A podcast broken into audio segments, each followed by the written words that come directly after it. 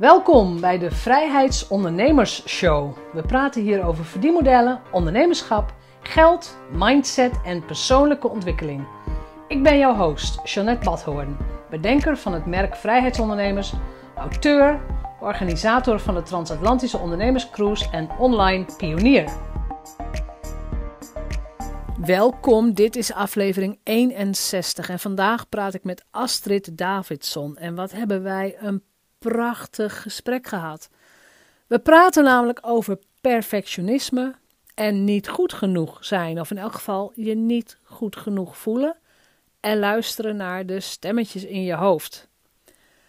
Astrid beschrijft dat echt heel erg mooi, ook in haar boek Prima is Perfect. Uh, ze schrijft dat vanuit eigen ervaring. Dus hè, wat ze zelf ook zegt, van ze is in dat boek ook helemaal met de billen bloot gegaan niks teruggehouden, maar gewoon beschreven hoe het bij haar is gegaan. Maar ook hoe zij daardoor is gekomen. Dus hoe zij door de belemmering van perfectionisme heen is gekomen. Ze geeft daarnaast ook hele waardevolle uh, ondernemersinzichten, ondernemersadviezen. Maar ook zeker persoonlijke ontwikkelingsadviezen. Dus ga er gewoon rustig voor zitten luister naar het verhaal van Astrid. Uh, in de show notes staat ook de link naar haar podcast, de link naar haar boek. Uh, Prima is perfect. En um, ja, mocht je meer van haar willen weten, kun je daar naartoe gaan. En tot die tijd heel veel luisterplezier met het gesprek met Astrid. Astrid, welkom. Astrid Davidson. Dankjewel, Jeannette. Leuk dat, uh, dat, ik te gast mag zijn ik vind het superleuk dat je mee wilt doen. Want jij, uh, jij hebt je spontaan aangemeld. Van ik wil graag meedoen. Want ik had een oproep gedaan voor um, gasten die een boek hadden geschreven. Auteurs. Ja. En jouw boek heet Prima is Perfect. Klopt. Dat is een onderwerp wat natuurlijk best vaak naar voren komt hè, tijdens gesprekken. Perfect zijn. Uh, goed genoeg. Mm -hmm. Start before you're ready. Het zijn allemaal ja. Nou ja, termen die je hoort op het moment. Maar als we nou eens teruggaan naar het moment waarop jij besloot. En we, gaan het ook nog over je ondernemersreis hebben, maar laten we eerst eens in het boek duiken. Het moment waarop jij besloot de eerste letter op papier te zetten. Nou ja, computer. Mm Ja. Kan ik... Wat? Ja. Welke, welke, welke, welke burning drive, welke, hoe zeg je dat, brandende, wat brandende, brandend verlangen had jij in je om dat te gaan doen? Nou, ik moet zeggen dat ik dat heel moeilijk kan terughalen. Uh, wat ik veel makkelijker kan terughalen is wel het brandende verlangen door de jaren heen al, vanaf het moment dat ik ben gaan ondernemen blijkbaar, om mijn boodschap te delen. En op een gegeven moment was een boek schrijven was niet meer dan een logische vorm, omdat ik al had ontdekt, bij toeval, waar ik niet in geloof, dat ik wel kan schrijven. Ja. Dus het was, um, ja, dat is meer een beetje geleidelijk gegaan. Dus ik, ik deelde al heel veel op schrift. Ik hield al van bloggen. Um, en ja, om dan op een gegeven moment dat dan ook maar in boekvorm te doen. Ik, ik kan dat, dat was niet één moment of zo. Dat, um, nee, maar ik wilde dat heel graag delen, omdat het voor mij echt levensveranderend is geweest om te ontdekken dat je kunt leven vanuit de angst want dat is het eigenlijk voor mij, perfectionisme. Perfectionisme mhm. is de angst om niet goed genoeg te zijn. Dus dat denk je, mhm. dat geloof je. Ja, dat geloof je, precies. En het gevolg daarvan, als je dat echt als een on, uh, onbewuste vaak overtuiging hebt in je diepste, heel veel mensen hebben dat helemaal niet door, is dat je de hele tijd zo ontzettend veel moet van jezelf en jezelf zo moet bewijzen en ook heel veel blijft uitstellen. Dus dan is het faalangst omdat je denkt dat je daar nog niet bent. En wie ben jij om nu al, weet je wel? Ja, dat is nog niet goed genoeg. Hoe verhoudt perfectionisme zich, of de, de, ja, de perfectionist, tot de, de innerlijke criticus, de stemmetjes die wij horen? Um, ik denk dat die innerlijke criticus, dat is een, een uiting, zeg maar, van uh, dat, dat perfectionistische gedachtegoed. Dus ergens ben je gaan geloven dat je niet goed genoeg bent. En dat heb je niet in jezelf gestopt. Daar ben ik van overtuigd. Uh, je moet je voorstellen, ik zie het zo. Je komt als kind gewoon heel onschuldig als baby ter wereld. Mhm. En je vertrouwt, je, je, moet eigenlijk wel blind vertrouwen op dat men het beste met je voor heeft. Dat je je ja. in je droogje krijgt. Ja. Ehm, maar ook daarin kun je op een gegeven moment al teleurgesteld worden. Hè? Je kunt je afvragen wanneer ben je als baby dat bewust van... hé, hey, ik moet nu langer op mijn melk wachten of eh, ik voel me onveilig. Ik moet harder huilen. Ja, ja. Maar, maar ik ben hypnotherapeut geworden ook. En soms kwam ik erachter, dan ging ik volwassenen of ondernemers of wat dan ook... Uh, wie dan ook, mensen uh, kijken hoe ik ze kon helpen met ehm, die programmering uit hun systeem halen. Ja. En in hypnotherapie kwamen we dan soms wel bij dat soort perioden in hun leven uit. Dat ze zich opeens herinnerden dat ze in het wiegje lagen en zich eenzaam voelden. Of dat het te donker was. Of dat er een hard geluid was. Of zelfs in de baarmoeder al. Dat kan je heel raar vinden. Maar als we daar naartoe gingen en we gingen dat dan helen. Dus ik liet hun volwassen ik ook deelnemen in dat moment wat als heel angstig voelde of als afwijzing of als onveilig dan konden ze daar rustig in worden, zeg maar. Dus dan overschrijf je in je brein eigenlijk dat onveilige moment. Ja. En dan had dat vervolgens in hun leven als ondernemer of gewoon als vader of moeder of weet ik veel, had dat effect doordat ze erachter kwamen. Ik voel me in heel veel situaties helemaal niet meer onveilig of niet goed genoeg. Nee, precies. Dus dat is heel bijzonder eigenlijk. Ja. Als je teruggaat naar, naar de Astrid van nou, laten we zeggen 7, 8, 9, 10 jaar, jong. Ja. Waar, waar vulde jij je dagen mee? Behalve de verplichte dingen, maar wat deed je het liefst? Um, wat deed ik het liefst? Nou, ik moet zeggen dat ik als kind volgens mij al vrij snel behoorlijk bleu en onderdrukt was. Oh. en dat klinkt heel zielig. En in mijn hele levens, levensreis kan ik nu ook zien waar dat goed voor was. Maar ehm, we waren met drie meisjes thuis. En uh, ik ben best wel, best wel opgevoed van moeders wil is wet. Mijn moeder is best wel iemand met een hele sterke mening. En ja. um, het cadeau daarin is uh, dat ik nu ook merk dat ik eigenlijk, um, naarmate er meer en meer bullshit van mijzelf opgeruimd werd van wie ben ik om iets te zeggen, dat ik ook best wel een hele sterke mening blijk te hebben. Ja. Maar toen durfde ik eigenlijk heel veel niet te doen. Dus wij waren echt wel zo'n trappetje meisjes. Ik ben altijd de laatste gebleven. Die heel keurig op de bank zaten. Ja, mama. Nee, mama natuurlijk. Mama, eigenlijk. En, en welke rang heb jij? Ik ben de oudste. Je bent de oudste, oké. ja. Ik ben de oudste. Ehm, maar natuurlijk waren er ook dingen die ik wel leuk vond. Maar heel veel dingen was ik, was ik ook best wel onzeker. Dus ik vond tennissen leuk, maar ik ben van tennis afgegaan omdat het zo competitief werd. En dan moesten we. Uh, ja, dan voelde ik me alweer. Dan vond ik het niet leuk. En uh, jazzballet vond ik leuk, maar dan dacht ik van ja, ik ben niet goed genoeg. En zo waren er heel veel dingen. Maar wat ik wel heb ontdekt, dat ik vanaf het moment dat ik ging zeilen, dat vond ik heel leuk. Ja dat ik met, uh, ik was denk ik 12, 13 of zo, toen ik voor het eerst in een zeilboot uh, zat en ik dacht echt, ik ga verzuipen, want ik snapte er niks van. Maar toen de instructeurs gingen uitleggen hoe dat werkte met wind en dat ik snapte waarom we scheef gingen en zo, toen kwam ik erachter dat ik vrij snel dingen goed kon uitleggen. Want dat er instructeurs waren die eigenlijk heel chaotisch aan het uitleggen waren. Met al ja. die verschillende touwtjes en zo, Ja. dat mag ik niet zeggen. Ja. Lijnen. En dat ik dan zoiets had van, oh, maar ik wil het wel even vertellen. En denk later van, oh, dus dat zat er al wel in, weet je? Ja, ja, ja. Dingen ja. uitleggen en, en, en, en ja. eh, Is dat een, soort juf of is dat iemand die, nou ja, van chaos iets gestructureerds kan maken? Ja, beide. beide. beide, O- overzicht, ook wel iets jufferigs, hoewel ik absoluut niet meer over wil komen als de juf. Want ik vind het juist heel leuk om dingen te delen vanuit, ik sta echt naast je of ik kijk je recht in de ogen. Ik heb heel Ja. lang gehad van ik sta boven je, Eh, want ik, ik weet het allemaal beter, maar dat was mijn perfectionisme, bang om door de man te vallen. Ja, ja, ja, ja ik snap hem. Ja, Ja. maar dat, eh, ja, dat stuk en, en schrijven vond ik al heel leuk. Was heel goed met taal. Ja. Maar ik heb natuurlijk ook, eh, ja, toch wel heel, of natuurlijk, ik heb wel heel vroeg meegekregen van ja, taal is allemaal leuk, maar wat kan je daar nou mee? Dus eh, je kan wel Frans gaan studeren of Spaans of Romaanse talen, wat je allemaal wil. Maar ga nou maar verstandig rechten doen dan, als je het niet. Kind Kan je lekker fiscaal jurist worden, dan verdien je wel geld. Ja, kies een vak. Ja, wat doen we onze kinderen aan af en toe? Ja, wij niet meer, maar de generatie voor ons zeker. ja, ja. Want van welk jaar ben jij? Ik ben van 69, dus ik ben net 50. Ja, ja, ja. Dat is inderdaad die generatie. Uh, Kies met exact met exact. Ja, nou ja, net als mijn zusje. En, en mijn ik ook, weet je. Ik ben van 66. Wij zijn allemaal iets geworden wat we eigenlijk misschien helemaal niet wouden worden. Maar we zijn het geworden omdat je dan misschien een baan kreeg. Ja. En dat kun je onze ouders ook niet kwalijk nemen. Dat, nee, dat was gewoon heb zo. heb ik wel gedaan, maar dat is ook weer een proces van hoe kijk je ernaar. Ja. ja, dat is het zeker. Hoe zou jouw leven eruit hebben gezien als jij dat perfectionistische gewoon überhaupt niet had gehad? Als je gewoon veel meer Pippi Langkous was geweest, bijvoorbeeld.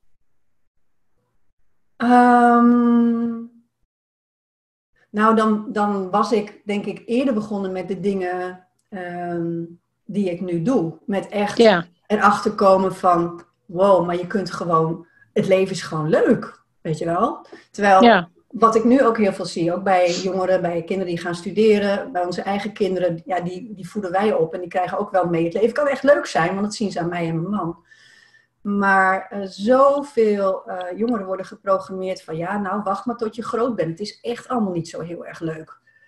En um, ik ben dus wel heel erg in dat stramien terechtgekomen van ja, huisje, boompje, beestje, vastzitten, hypotheek betalen, vaste lasten, sociale verplichtingen. Het woord zegt het ja. al. Ja, ja, ja, ja, ja. Ja, Weet je? ja. Dus we doen het leven. zelf. Ja, Ja? we doen het zelf. Ja, maar tot op zekere hoogte denk je, hè, ik zat heel erg in de slachtofferrol, dacht ik echt dat ik geen keuze had daarin. Ja. Omdat Dat ik is een interessante. Wanneer ben jij de regie gaan pakken? twaalf jaar geleden, dat weet ik nog, dat weet ik nog Toen was je redelijk precies. 38. Ja, ja dan weet je nog redelijk. Beschrijf het eens.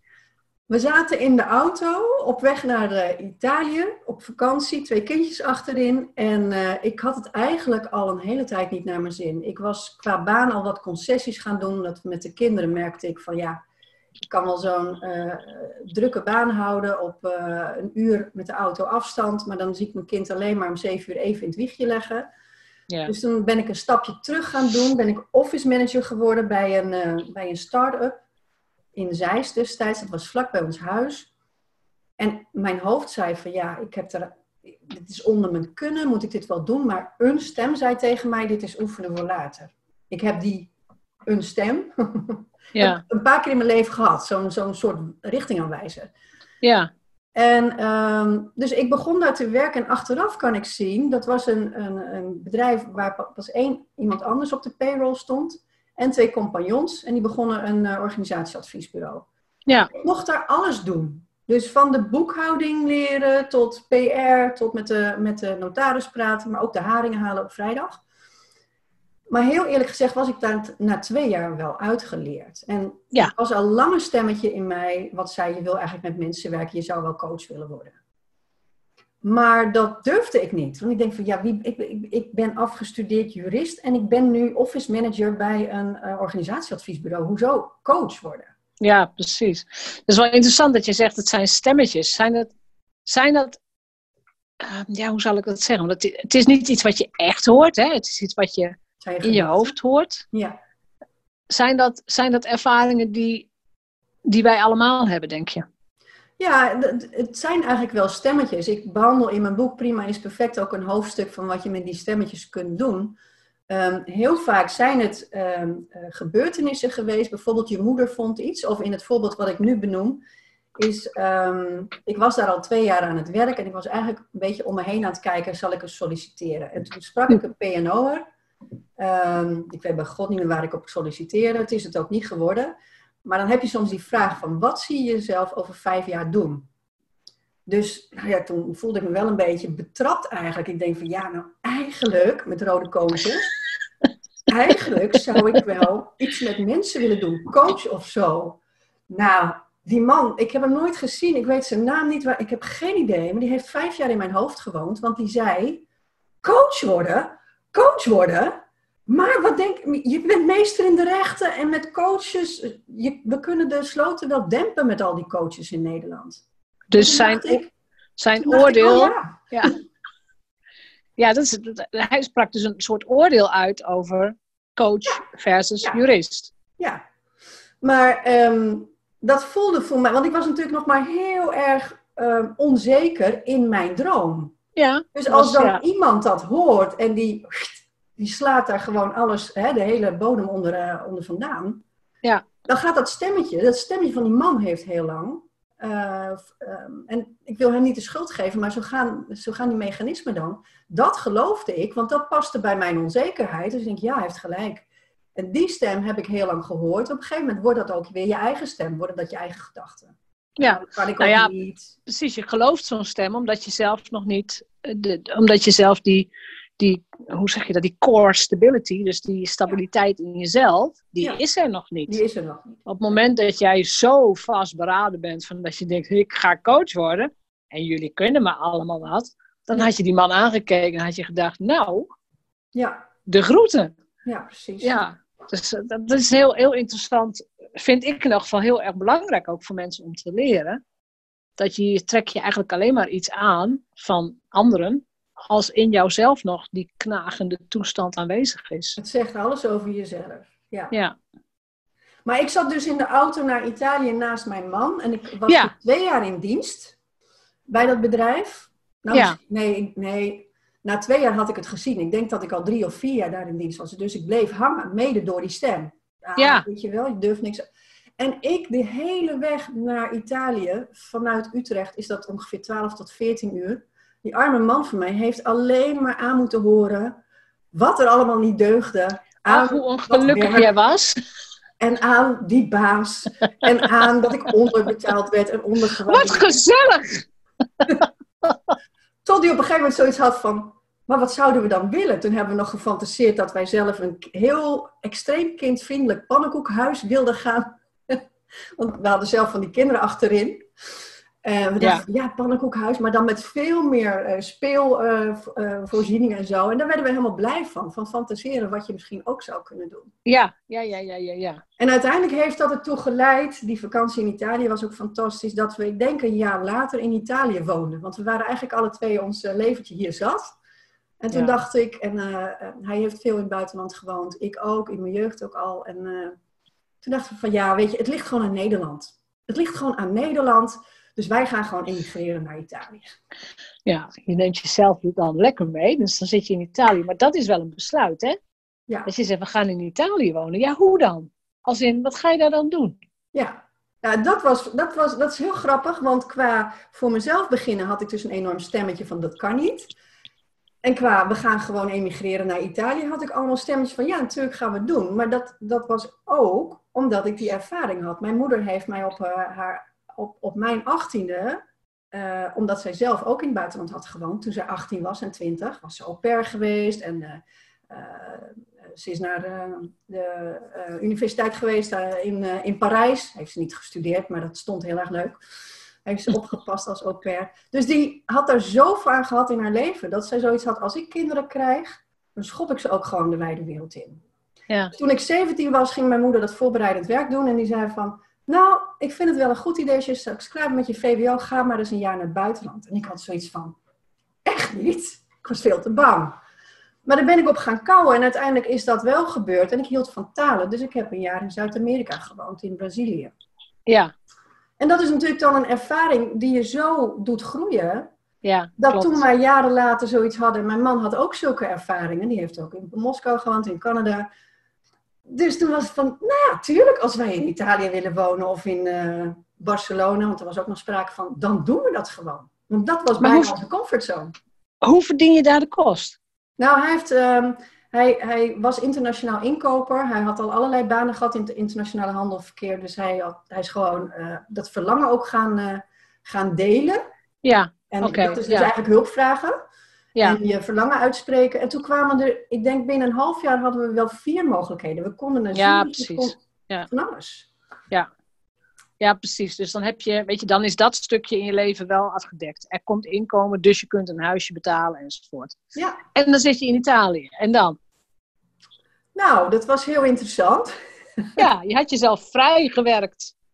Je moest Ja, wel nou, ik- radicale maatregelen nemen om van een baan Vrij te komen. radicaal. We hebben echt alle schepen verbrand ook. Dat, ja, zo zijn wij ook wel. Een beetje van, als het dan...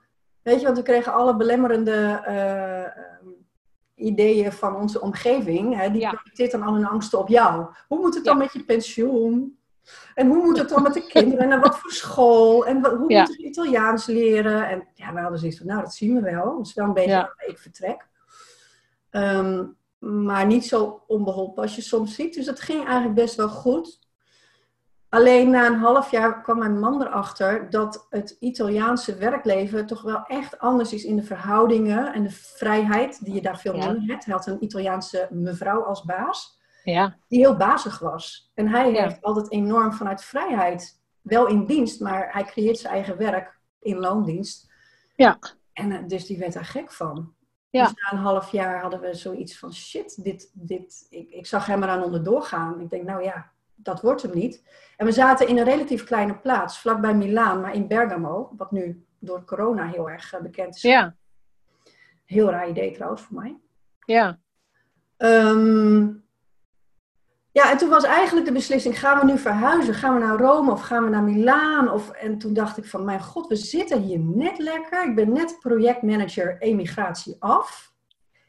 Moeten we nou weer het boeltje pakken? Kinderen weer naar andere school? Ik zei, Ron, ik geloof dat ik, uh, ik die plannen van ik wil ooit iets met coaching. Ik had inmiddels wat NLP-boeken laten komen naar, uh, naar bergen.com. Ik zei, volgens mij wil ik terug naar Nederland. Want was dit voor mij een soort break om uit te zoomen en contact te maken met mijn angsten, maar ook met mijn verlangens, wat ik eigenlijk wil. Ja. ja. En toen zijn we teruggegaan, in Alkmaar terechtgekomen en ben ik uh, nou, een NLP-opleiding gaan doen en toen eigenlijk heel snel, ik heb niet letterlijk een bord in mijn tuin gezet, maar ik ben wel heel snel mensen gaan helpen. Gewoon no cure, no pay. Ja, gewoon zo snel mogelijk zichtbaar zijn voor mensen die je nodig hebben. Ja. Ja. En dan, welk jaar hebben we het dan over? Hoe lang is het geleden? Dat is 2008 geweest. Dat is ook alweer twaalf jaar geleden. Ja. Dus je bent nu twaalf jaar ondernemer. Ja, maar niet fulltime. Ik dacht, nou dat fixen we even. No cure, no pay. Maar ja, een heleboel mensen ik was nog niet zo goed, dus heel veel mensen moesten ik het geld terugbetalen. Dus dat was het leergeld om te leren om uh, dat soort technieken toe te passen. Ik vond het super eng. Ja. Ik ben heel blij dat ik een trainer heb gehad die zei van ga gewoon, vraag wel meteen een goed tarief. Dat vond ik een ja. enorme goede les. Hij zegt, iedereen die bij mij afstudeert, vraagt 70 euro per uur. No cure, no pay. Je gaat niet beginnen met 15 euro per uur. Nee, dat heeft geen, weet je, kun je beter bij de HEMA gaan werken. Ja. ja. Maar dat, dat zie ik wel heel veel ook ondernemers doen, weet je wel. Qua prijs. Ja. Ik vond het super spannend. Maar ja, het, ik, ik, ik, kon het doen omdat ik denk van, nou ja, de lat ligt toch laag. Want als het mislukt, dan hoeven ze niet te betalen. Maar op een gegeven moment ging het wel lukken en wel lukken en wel lukken. En was het ja. wel, want ik gaf wel sessies van twee uur. Dus dan betaal, ja, dan kreeg ik wel 140 euro voor een sessie. Ja. En dan ga je, nou ja, zo al... Uh, al, al ja, dan ontwikkel je jezelf. Ja. Als jij nu terugkijkt naar die ondernemer in 2008, misschien 2009, want je bent echt, ik heb even jouw lijst met dingen die je allemaal gedaan hebt nog verder erbij genomen. Jij zit niet stil, hè? je gaat steeds verder. Maar als jij nu kijkt naar die persoon in 2008, ja. wat, wat zou jij nu als beste ondernemersadvies aan jezelf geven? Dus, nou, ik, ik heb het nog niet in mijn hoofd, maar al pratend komt het er misschien wel uit. Want er zit, er zit namelijk ergens een heel groot keerpunt, wat heel Ja. de valkuil is geweest bij mij. Aan de andere kant, ik heb het idee dat alles er ook bij hoort. Dat, dus dat er geen valkuilen zijn. Maar voor mij was een heel belangrijk keerpunt dat ik erachter kwam. Ik bleef maar mezelf voeden met meer en meer cursussen, cursussen, dingen doen, Mm. om beter Mhm. te kunnen worden. En ik zag mijn eigen waarde steeds niet. Klanten wel, maar ik, toch, ik, ik focuste toch, hè, dat perfectionistisch stuk, heel vaak nog op die ene klant die dan niet helemaal tevreden was. En iemand Ja. heeft ook eens een keer gezegd van, lief schat, een tafel staat stevig op vier poten. Als jij één of twee reviews krijgt of recensies of mailtjes van mensen die zeggen, ja, ik voel me na deze sessie nog niet helemaal perfect, dan dacht ik, oh, ik heb het verknald. Dan is dat alsof één van die vier poten, of er een stuk af is, dan wiebelt die. Ja. Zorg dat je een mapje hebt met, met, met vier reviews die fantastisch zijn. En als Ja. je even je wiebelen voelt, ga je die weer even lezen. Ja, prachtige metafoor. Ja, zodat die tafel weer... Ga hem gelijk weer stutten.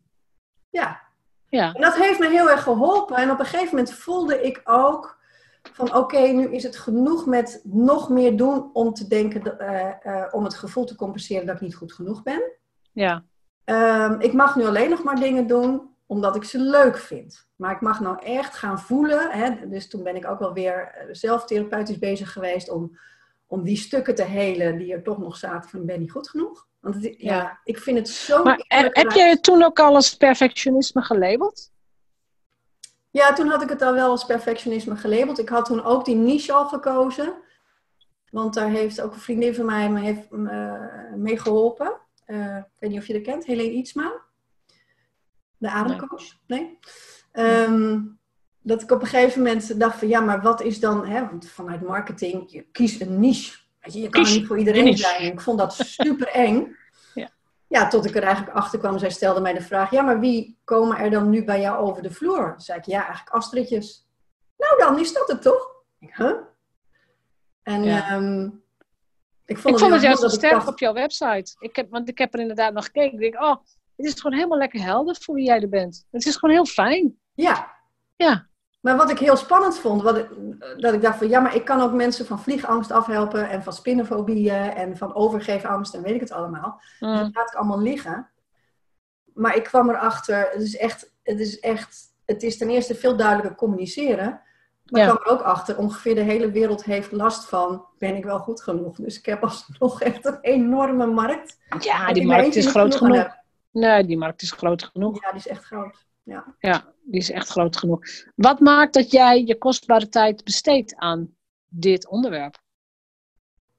Omdat het mij zo ongelooflijk veel heeft gebracht. Het, het, brengt mij naar de essentie van waar voor mij het leven over gaat. En uh, dat wil ik delen. En heel veel mensen die beginnen dat ook te voelen. Uh, en wat is de essentie van het leven voor jou? Um, ja, eigenlijk ik heb mezelf heel lang ook als heel serieus genomen. Zou ik helemaal anders kijken dan. Um, ja, dat een soort autoriteit moet zijn, weet je wel. Ja, ja. maar dat het, de jurist, ja. Ja, dat. En, en, en dat het ondernemerschap voor mij over vrijheid zou gaan. Dat het, uh, dat het is om vrij te zijn. Dat is nog steeds een hele belangrijke waarde. Ja. Ik werd op een gegeven moment ondervraagd door iemand die ook een NLP-training deed. En die had een, uh, een uh, persoon nodig om te modelleren. Dus die wilde mij interviewen. En toen zei ze van ja, maar jouw waarde is gewoon plezier en joy en fun. Want daar, daar ga je heel goed op. En toen dacht ik, oh, maar dat is als jij jezelf niet op waarde kunt schatten en niet het gevoel hebt dat je goed genoeg bent, dan is het leven helemaal niet zo leuk. Ja, helemaal niet. Maar nee, eigenlijk helemaal niet leuk. Het vervelende is dat je dat dus ook 100% zelf doet. Ja, maar dat is wel een ontdekkingstocht om erachter te komen. En het zit dus in alles, hè. Want ik heb in mijn boek, ik schrijf heel laagdrempelig, maar het gaat over grote dingen en groot verdriet. Maar het gaat ook over, het is een wonder dat mijn man bij mij is gebleven. Want het gaat ook over, schat, heb je nou serieus bladpeterselie gekocht in plaats van krulpeterselie? Ja. Weet je? Is, die, is, die, over. is hij gewoon lekker laconiek of wat is die? Ja, die heeft heel vaak gedacht, laat maar waaien, whatever. Maar ja, en ook heel vaak teruggegeven, fuck you, ga zelf de boodschappen maar doen voor die verjaardag. Ik doe het niet meer, want het moet toch altijd anders. Ja, ja, ja, ja, ja, ja, Maar heel veel vrouwen hebben dit hoor. Ja, dat van die boodschappen herken ik. Dat herken ik Ja. De lol gaat van dingen af. Dat je geen feestje meer kunt geven, omdat je heeft iedereen het wel naar zijn zin te doen. En tegenwoordig, we halen wat chips, daar staat de drank. Ik doe het gewoon op de manier van mijn man ja, maar dat, Precies. Dus dat was best een weg. Ja, ja, dat is wel fijn. Het is ook fijn dat je dingen kunt leren. Dat je je kunt spiegelen aan mensen die... Nou, als jij zegt, ik doe het goed op joy en plezier en fun. Oké, wat moet ik dan laten? Wat moet ik doen om die waarde te kunnen leven? Ja, en dan dat is belangrijk eigenlijk. En dat is voor iedereen anders. Maar dit is, het is voor mij een enorme bevrijding van een juk... wat ik jaren heb gedragen en waar ik nooit meer onder wil. Voelde jij je ook verantwoordelijk voor andermans geluk? Ontzettend. En uh, ja, dus ook in mijn, in mijn werk. Hè. Ik voelde me heel erg verantwoordelijk voor de resultaten die mijn klanten haalden. Dat was ook een ontzettend uh, zwaar blok aan mijn been. Is je dat niet meteen afgeleerd bij de coachopleiding? Nee, ik denk dat ik. ik volgens, volgens mij kun je heel veel dingen ook niet echt direct afleren. Moet je daar ook wel gaandeweg... En, en, en de een moet daar doorheen werken en de ander daardoor. Maar dit, dit moest ik echt gaandeweg ook... Dankzij mijn klanten... Al mijn klanten zijn voor mij weg geweest, denk ik dan. Ja, klopt. betaald terwijl ik mocht leren.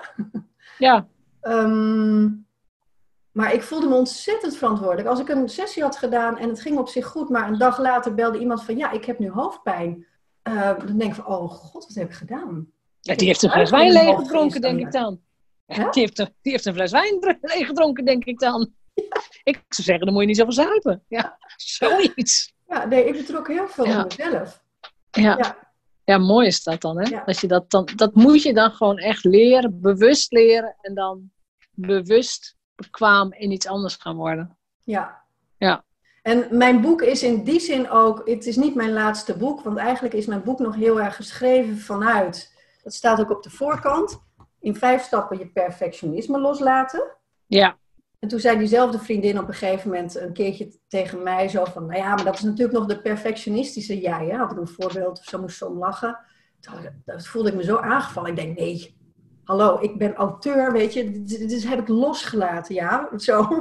ja. Maar dat is helemaal niet zo. Ik kom er nu achter, en dat was ook een proces.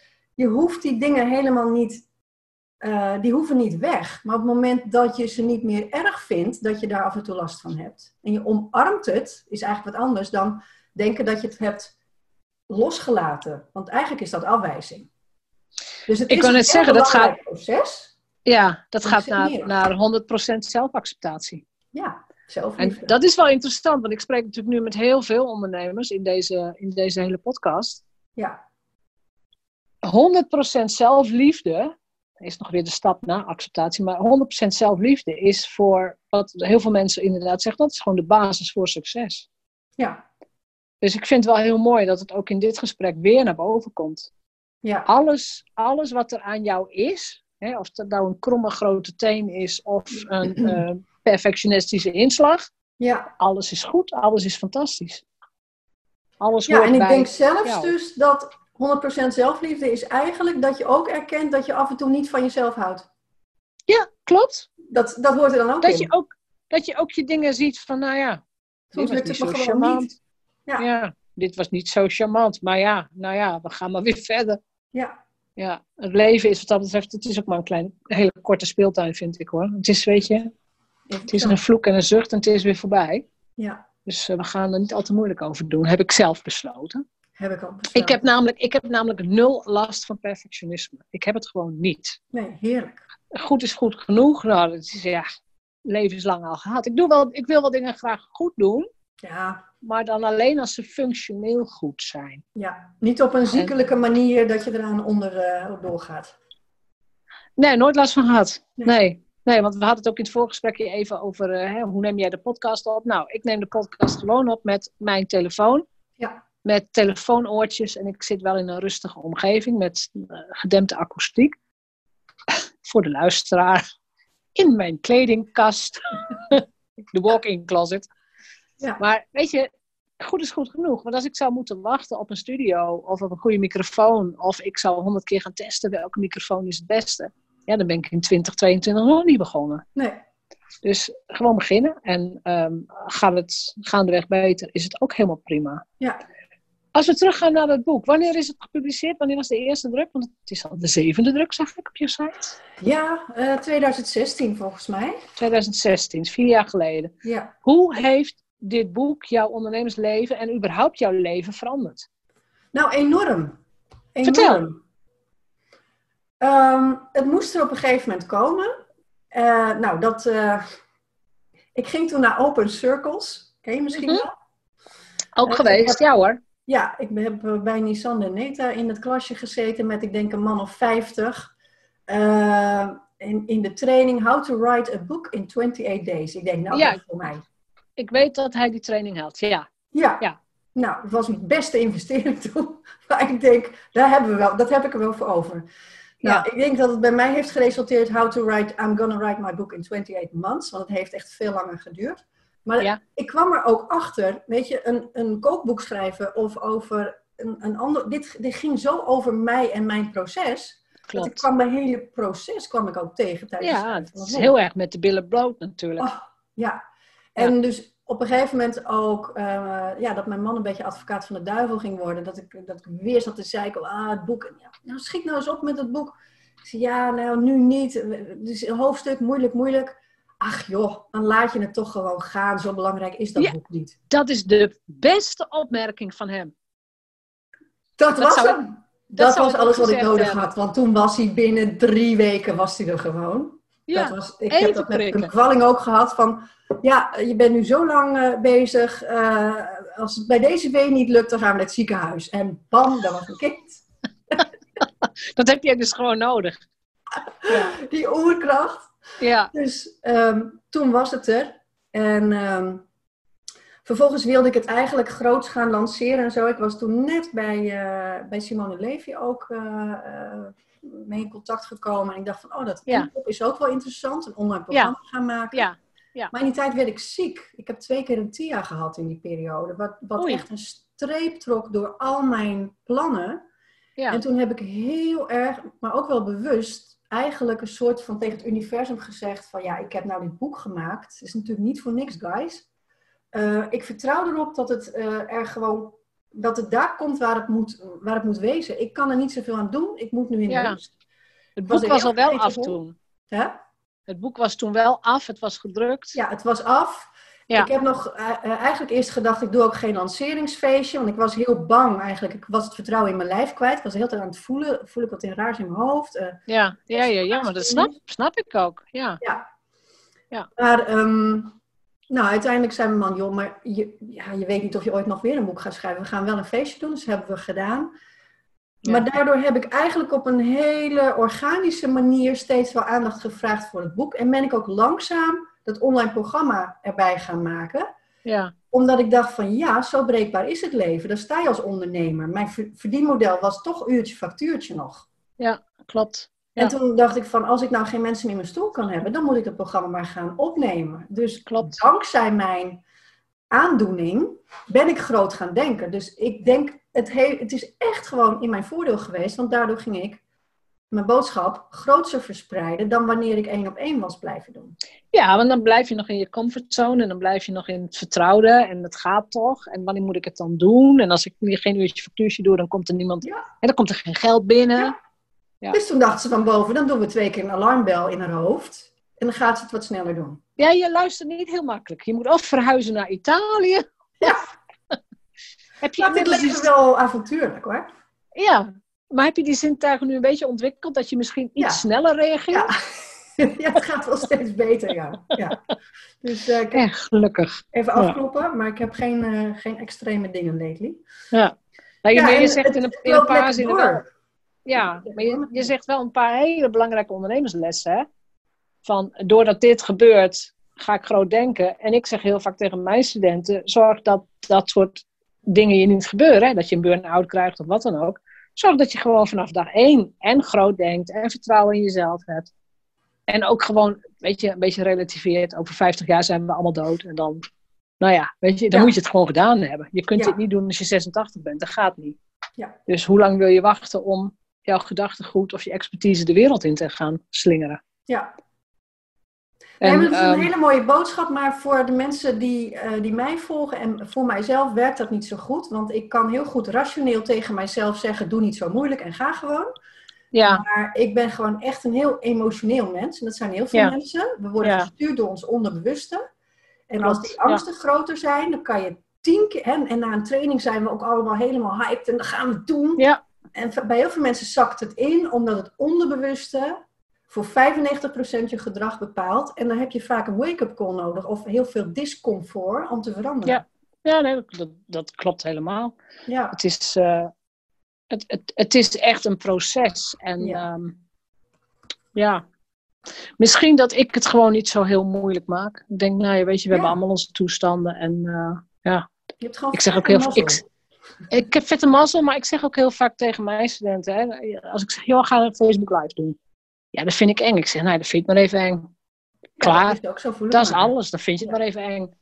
En nou ja, de eerste keer rode vlekken in de nek, moeilijk, moeilijk, stuntel, stuntel. Ik zeg, nou, nu tien keer. en dat is misschien mijn manier van leven hoor. Want die je lichaam, ja, je lichaam moet aan sensaties wennen. Door de eerste keer van een 10 meter duikplank is doodeng. Ja. Als je schoonspringer wilt worden, ik noem maar iets hè. Maar als je dat 500 keer hebt gedaan, dan weet je precies hoe je moet springen en waar je het water raakt en hoe je tenen houdt. En, Dus het is gewoon training. Alles is gewoonte en training. Is ook zo. Zo hebben we ook leren lopen. Het is precies hetzelfde. Ja, dan ga ik niet meer nadenken. Oeh, wat eng. Oeh, wat moeilijk. Oh, ik lig weer op mijn kont. Nee. Mm oké, we gaan weer verder. Ja. ja. En zo, als, dan gaan we eens over naar je boek. Je zegt, het, is heel, het heeft heel veel voor mij veranderd. Ik heb een product, ik heb een online training. Dus dat is de, misschien de financiële kant van jouw ondernemerschap. Heeft het iets in jouw identiteit veranderd? In, je, nou, in, je, in, je, in, de manier waarop jij door de buitenwereld wordt gezien? Nou, ik, ik denk wel, ik, ik had die link nooit gelegd, maar dat leerde ik toen ook in die training uh, over je boek schrijven. Ik had nog nooit beseft dat het woord auteur, hè, ook in het Engels, authority, autoriteit. Als je een boek hebt geschreven, ben je een autoriteit. Dat is nog wel steeds zo.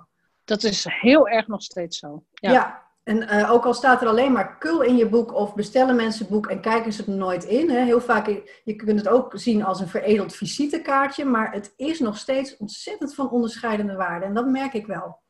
Ja, dat, ja. dat is het inderdaad zeker. Ja. Um, nou, wat jij zei, ook al staat er kul in je boek. Um, er zijn natuurlijk nu ook van die campagnes, hè, dat je gratis boeken kunt aanvragen. Uh, in in zo'n, zo'n, kom je in zo'n funnel. Ik heb ook wel eens boeken ontvangen dat de ondernemer in kwestie bij mij gelijk afdeed. Ik dacht, ja, dat is niet dus duurzaam. Echt, dat is maar, dat is maar dus, ja. Hey, um, de, de eerste stap is wel, oh, een boek. Zo, ja, kijk, boek. En als, oh, als ja. er kul in staat, dan ben je natuurlijk niet duurzaam bezig. Dus dat moet je ook niet doen. Nee. Maar de uitstraling van die heeft een boek doet wel iets bij mensen, dat bedoel ik te zeggen. Het doet absoluut iets bij mensen, ja, ja dat klopt helemaal. En je zei, het is niet mijn laatste boek. Wat, wat wordt het volgende boek? Nou, is grappig, want ik dacht namelijk, maar alles is door corona uh, totaal anders. Ik had een, uh, een aantal weken geleden uh, in één week drie voorbeelden van jongeren die ontzettend worstelen met wie ben ik en wat vind ik leuk. En hè, we zitten ja. echt wat dat betreft, dat was voordat de officiële coronacrisis losbarstte, maar we voelden allemaal al lang, ik, ik publiceerde ook al jaren over, al die burn-outs.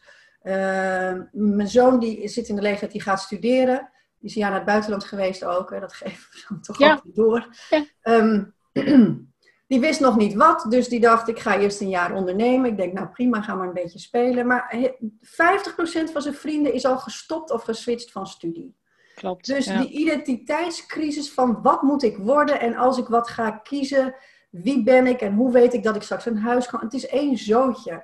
Ja. Een, een ander jong iemand die ik kende, die worstelde enorm met, uh, met eetproblematiek, een eetziekte. Iemand anders, een heel jong meisje wat ik ken, die uh, uh, heeft heel vaak depressieve gedachten en denkt aan zichzelf van het leven beroven. Toen dacht ik, mijn god, er moet een prima is perfect komen voor jongeren.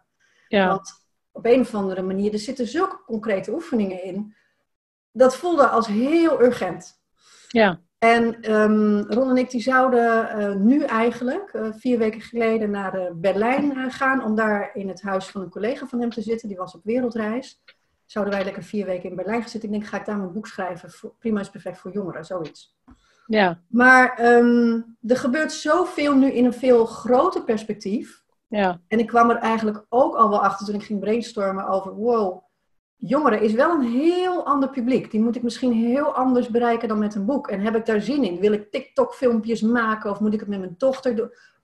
Dus daar had ik me een beetje op verkeken. En met wat er nu gebeurt, denk ik dat er een heel ander boek gaat aankomen. Maar dat is nog een, ik zit nog te veel in het proces. Maar het heeft wel okay. te maken met van de oude wereld naar de nieuwe wereld. Ja. En uh, eigenlijk ook, ik ga nu ook een webinar geven dinsdag. Dat heb ik een paar jaar geleden ook gegeven onder die naam. Maar dat krijgt steeds weer een nieuwere lading. Leven vanuit je ware zelf. En als je leeft vanuit, ik ben niet goed genoeg, dan ben je niet je ware zelf aan het leven. Nee, in het geheel niet, nee. En ik geloof dat wij in de wereld die wij allemaal eigenlijk willen, de meeste mensen willen, dat is toch meer echt een samenleving, waarin we vanuit het hart leven en iedereen meer kan doen wat hij echt wil, in plaats van burn-out raken omdat je moet en sociale verplichtingen en niet durven zeggen wat je eigenlijk wil en zo. Ja. Dus als we dat willen, uh, ja, dat je dan ook mag leren om uh, meer naar je hart te luisteren en te doorzien waar je jezelf voor de gek houdt of waar je onzin bent gaan geloven over jezelf. Ja, ja. Ah, dat, is, dat is super waardevol, want volgens mij is dat ook de enige weg naar geluk. Ja, denk het ook. Denk het Ja. ook. En hoe meer En, mensen, want we willen altijd de wereld aan de buitenkant zo veranderen. Hè? eh, wat er allemaal, maar het gaat echt, als iedereen alleen maar zijn eigen binnenwereld verandert. En we leven vanuit die verbinding met onszelf. En iedereen doet waar hij blij van wordt en zich vrij in voelt. En dan ben je ook echt de beste versie van jezelf, daar geloof ik in. Dat we dan stap voor stap met z'n allen, al, hè, als, als al die bouwblokjes, die, die bouwsteentjes zich goed voelen, dan is het bouwwerk ook een stuk mooier. Ja. Nou, het is een hele mooie boodschap. Nou, en dat dan in een boek of zo. En dat dan in een, in een nieuw boek. Maar als je, als je kijkt naar het boek wat je nu hebt, hè, Prima is Perfect. Ja, Kun je iets van drie, vier leefregels of adviezen noemen voor mensen die nu luisteren?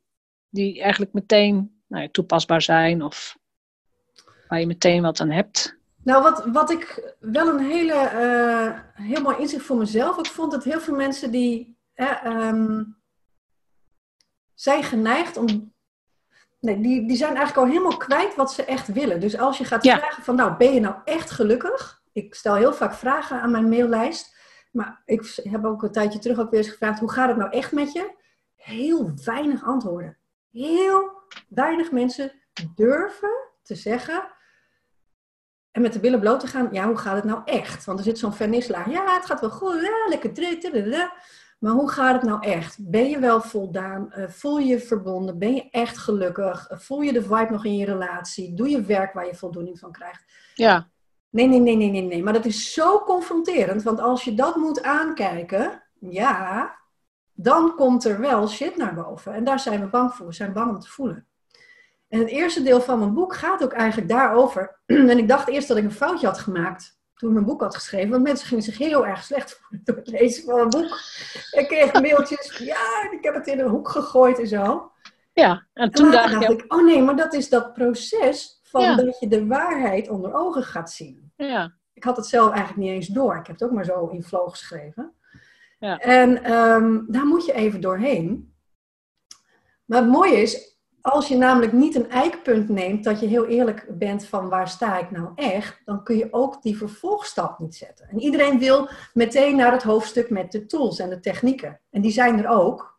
Ja. Maar het is heel belangrijk dat je die eerste fase niet overslaat. Dus dat je ja, echt durft te gaan inzien. En eh, er staat ook een mooie oefening in het boek die gaat erover genoeg is genoeg. Dat je eigenlijk de confrontatie aandurft als ik niet ga veranderen. Dus als ik blijf geloven en doen wat ik nu doe, waar sta ik dan over een jaar, waar sta ik dan over vijf jaar, waar sta ik dan over tien jaar? Ja. Dat is hetzelfde als, stel je bent aan het roken, ach zo gezellig, zo gezellig. Ja, maar je blijft nu doorroken over een jaar, over vijf jaar, over tien jaar. Wil je wachten tot die vlekjes op de longfoto komen? Wil je wachten Of tot jouw ja. geliefde straks jouw kist naar beneden zien gaan? Ach, het was zo'n mooi mens. Die beelden moet je eigenlijk durven maken in je hoofd. Ja. Zodat de urgentie om te veranderen opeens heel groot wordt. Ja. En, maar dat is ook wel mooi dat je dat zo in je boek schrijft. Mensen willen namelijk wel hè, ook het resultaat van, oh, ik ben genezen van perfectionisme, of hoe je het ook noemt. Ja, Hè, ik, eh, ik ben goed genoeg en ik ben helemaal blij met Mhm. mezelf. Dus ze willen wel het resultaat, Ja. maar ze willen niet het werk doen. nee. Eh, Gemiddeld genomen. Hè. Iedereen zoekt die quick fix en die. Ja, nog eh. Ja. ja. Ja. Dus dan is eigenlijk jouw advies: doe het echte werk. Doe het echte werk en ga met die oefeningen ook echt aan de slag. Want er staan hele leuke oefeningen in. En ik kan nu ook wel een heel luchtig, leuk, concreet voorbeeld geven als je dat leuk vindt. Ja, ja, wat, wat kan werken. Ehm, hè, want we hadden het al eens over stemmetjes bijvoorbeeld. Van, eh, ja, ik zou eigenlijk wel coach willen worden, maar wie ben ik om dat te doen? Of ehm, ik zou eigenlijk video's moeten maken, maar ja, ik zie er niet uit op beeld. Ja. Hoe klinken die stemmetjes meestal in je hoofd? Wie hoor je? Heb jij, heb jij ooit wel eens zo'n stemmetje of heb je het helemaal niet, Jeanette? We hoeven niet in de inhoud, maar gewoon hoe het klinkt. hoe het klinkt. Ja, dat zijn dan toch meestal stemmetjes die inderdaad. eh, Zo'n stemmetje, wie zit daar nou op te wachten? Ook nu met, met, nu met mijn podcast.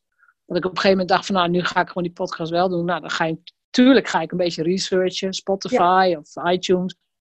Ha, duizenden podcasts. Ja, god weet je, moet er nou nog weer een podcast bij? Ja. Maar dat zijn, ik weet, dat zijn gedachten die niemand helpt, mijzelf ook niet. Nee. Dus ik, ik ga gewoon heel vrolijk in mijn eigen bubbel, in mijn eigen cocon, die podcast lekker maken. Ja, Ehm, Weet je, al zou Maar ik jij de bent enige... getraind. Ja, ik ben er heel erg in getraind. Ja. Dus ik weet ook, al zou ik de enige persoon zijn die er plezier in heeft, heb ik een fantastisch leven. Ja. ja. Ja. Maar voor mensen die, dat, die die training niet zo erg hebben en dan toch echt wel luisteren naar die negatieve boodschap. Hè, want, Ja. dat stemmetje klinkt, vaak hoor je jezelf.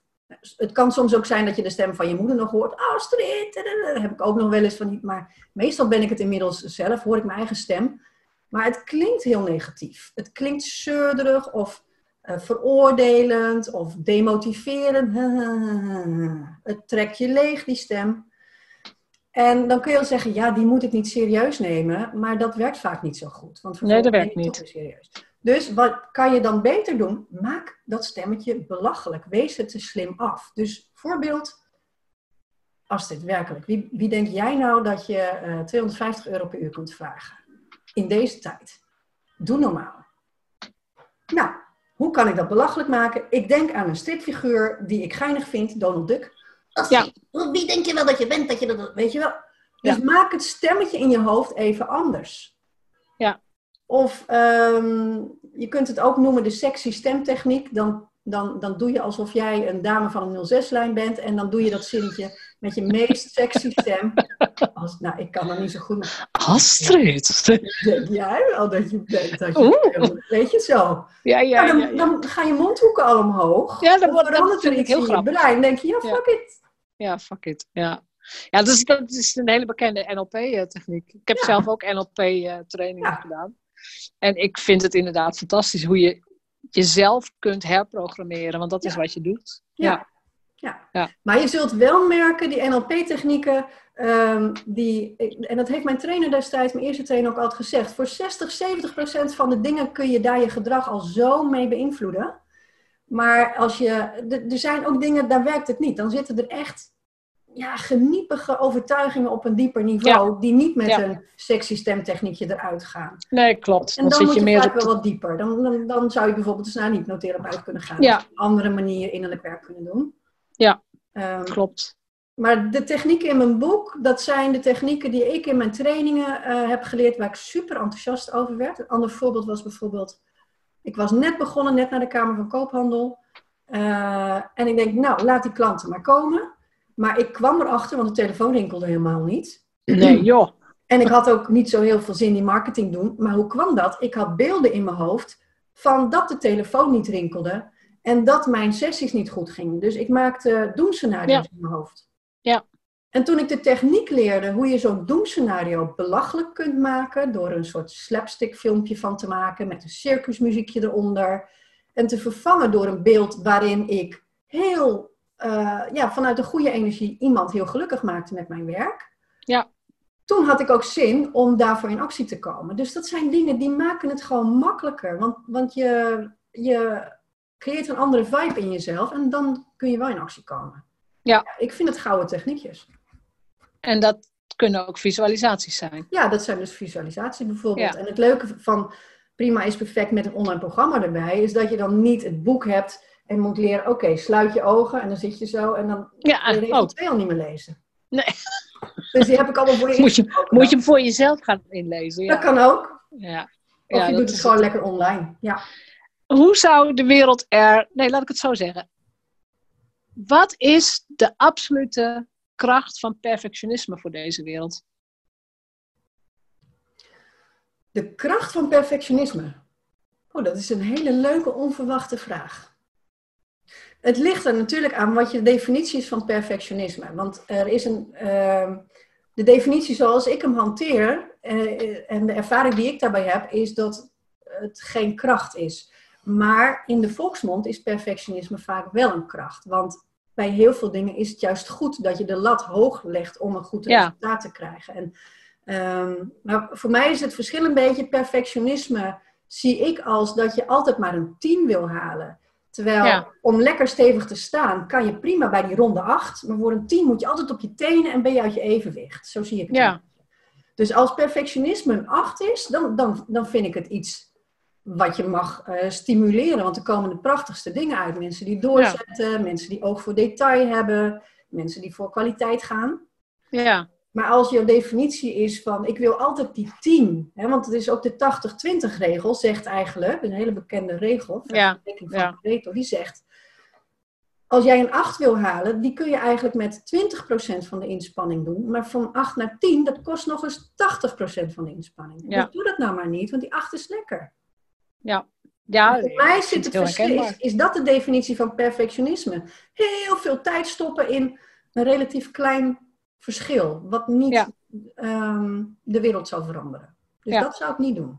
Nou ja, ik, weet je, bij sommige dingen denk ik. eh, ik hoop wel dat het perfect is. Bijvoorbeeld de Eiffeltoren. Hè? Ja, Of. ehm nou ja, een chirurg die jou opereerd of zo.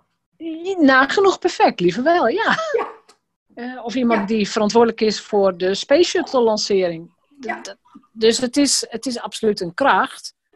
Ehm, daar waar het misgaat, wordt het een belemmering. En ik denk dat jij in, in dat spectrum, dat hele dat stuk heb jij helemaal onderzocht. Mhm. Daar waar het een belemmering wordt voor je dagelijks functioneren, voor je geluk, Ja, is het geen kracht meer. nee. Nee, maar Nee. daarom heb ik in mijn eerste hoofdstuk, of eerste of eerste twee, ook heel duidelijk van wat is nou perfectionisme, wat Ja. versta ik eronder en welk deel eh, gaat dit boek eigenlijk over, waar het dus een belemmering wordt. En, ja, echt een, een drain, een energy drain. Iets, iets, ja, waar, het is eh, ongelooflijk hoe groot de invloed is van perfectionisme eh, op ehm, de kans om burn-out te raken of zelfs suïcidaal of ziek te worden. Daar is zo'n groot eh, verband aangetoond. Ja, Want je trekt jezelf leeg. Je levensenergie Klopt. gaat uit je. dat klopt. Ik, ik heb ook heel vaak gezegd, perfectionisme is een handicap. Ja. Het is helemaal niet iets wat jou helpt. Het is Nee. puur angstgedreven en puur. eh, eh, het, het is er alleen maar om, om jou niet te laten groeien. Ja. Ja, En, het en als je dan. de hele tijd in het idee dat je niet goed genoeg bent. En daar word je Ja. een gelukkig mens van. En ja, als je het inderdaad, als je de metaforen van de natuur gebruikt, vind ik ook heel mooi altijd mensen die dat dan doen. Een bloem die bloeit gewoon. Ja. Of die nou geel of rood of blauw is, het interesseert er niks. Die bloem Nee. die bloeit gewoon, want ja, zo is die geprogrammeerd. En dat geldt, Ja. weet je, als een hond vrolijk is, gaat die springen. Ja. En dat, dat, daar moeten we naar terug. Naar die, Ja, en een Onbevangenheid moment en- ook een beetje hangen en een beetje verwelken en een beetje, weet je, een beetje uitdrogen en zo. Ja. Nou, dat is ook zo'n strijd, waar natuurlijk een hele markt op is gedoken, omdat dat allemaal niet mag en niet hoort. En, eh, het, want ik, ik kom nu zelf ook in die leeftijd natuurlijk, dat je toch ziet hoeveel mensen echt heel, vooral vrouwen, mannen misschien ook, heel veel moeite hebben met ouder worden. En dat Ja. vind ik zo zonde, in de, vooral in dit deel van de wereld. Ik denk van, dat is zo onnatuurlijk. weet je wat ik daarvan vind? Ik vind het ronduit ondankbaar. Ja. Ik heb al zoveel jonge mensen begraven, dus ook al in mijn familie, dus Ja. mensen die de 30 niet gehaald hebben, dat ik denk, waar zei je over? Als je mazzel hebt, heb je 80 jaar. Nou, Ja. Als je pech hebt, dan ga je veel eerder. Ja. Dus maak er het beste van. En dat gezemel over, inderdaad, over een rimpeltje hier of een... Heb ik helemaal nooit begrepen. Nee. Maar ik Nee. denk wel dat als je ehm, ja, op een of andere manier in je leven dus dat bewustwordingspad gaat volgen, dat dat je leven ook rijker maakt en meer dan Ja. compenseert voor de lichamelijke aftakeling. En als je dat niet Ja. doet, dan zie je alleen maar het verlies. Hè? Nee, maar het is ook geen aftakeling, want Nee, maar zo Het is iemand.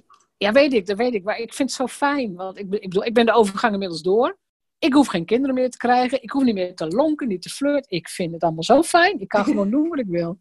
Weet je, het is gewoon, het is gewoon helemaal goed. En dat, is, dat zeggen ze ook, hè. Wijsheid komt met, eh, met de jaren. Jaren. Dat is ook zo. Ja. Dat is ook zo. Ja. En de rust ook. En, de, en dat is niet berusting, maar meer zo van, nou weet je, ik doe gewoon lekker wat ik wil. En Ja. nou ja, dan vind je er maar wat van, weet je. Prima. Ja. Dus ik, het, als dat maar een boodschap is die mensen meenemen, is het ook helemaal goed. Gewoon, en inderdaad dankbaar zijn voor het feit dat je ouder mag worden, dat je het mag vieren, dat de zon schijnt. Dat is zo ongelooflijk belangrijk. Ja. Ja. Klopt. Is er nog een laatste ehm, nou, ondernemersadvies, marketingadvies, persoonlijk advies wat je mensen wilt meegeven? Ja, ik weet niet, ik heb de neiging om met mijn zinnetjes af te sluiten. Dat is wat, mij, wat me te binnen schiet. Ik zeg altijd, prima is perfect. Jij Ja. bent perfect. En als je dat leert voelen, dus niet dat je het wel weet, maar als je dat leert voelen, dan schijnt de zon iedere dag. En dan zeggen mensen, ja, de zon schijnt niet iedere dag. Ja, hij schijnt wel iedere dag, maar je hoeft hem niet elke dag te zien. Hij schijnt iedere dag. Zijn. Maar weet je, als je dat echt leert voelen, dan gaat je leven zo'n andere wending nemen. Dan, dan, dan ervaar je het zo anders. En dat vind ik echt, uh, dat vind ik rijkdom. Dat is, toch, dat is bijna een poëtische afsluiting. Kun je ze nog een keer achter elkaar zeggen? Ja, prima is perfect. Jij bent perfect. En als je dat leert voelen, schijnt de zon iedere dag. Fantastisch. Dankjewel voor dit mooie gesprek. Bedankt voor het luisteren naar de Vrijheidsondernemers Show. Geef de show een review op iTunes. Als vrijheidsondernemer werk je waar, wanneer en met wie jij wilt. Dat gun ik jou ook. Ik weet dat het kan. En bij de juiste keuzes is vrijheid ook voor jou mogelijk. Op jouw vrijheid!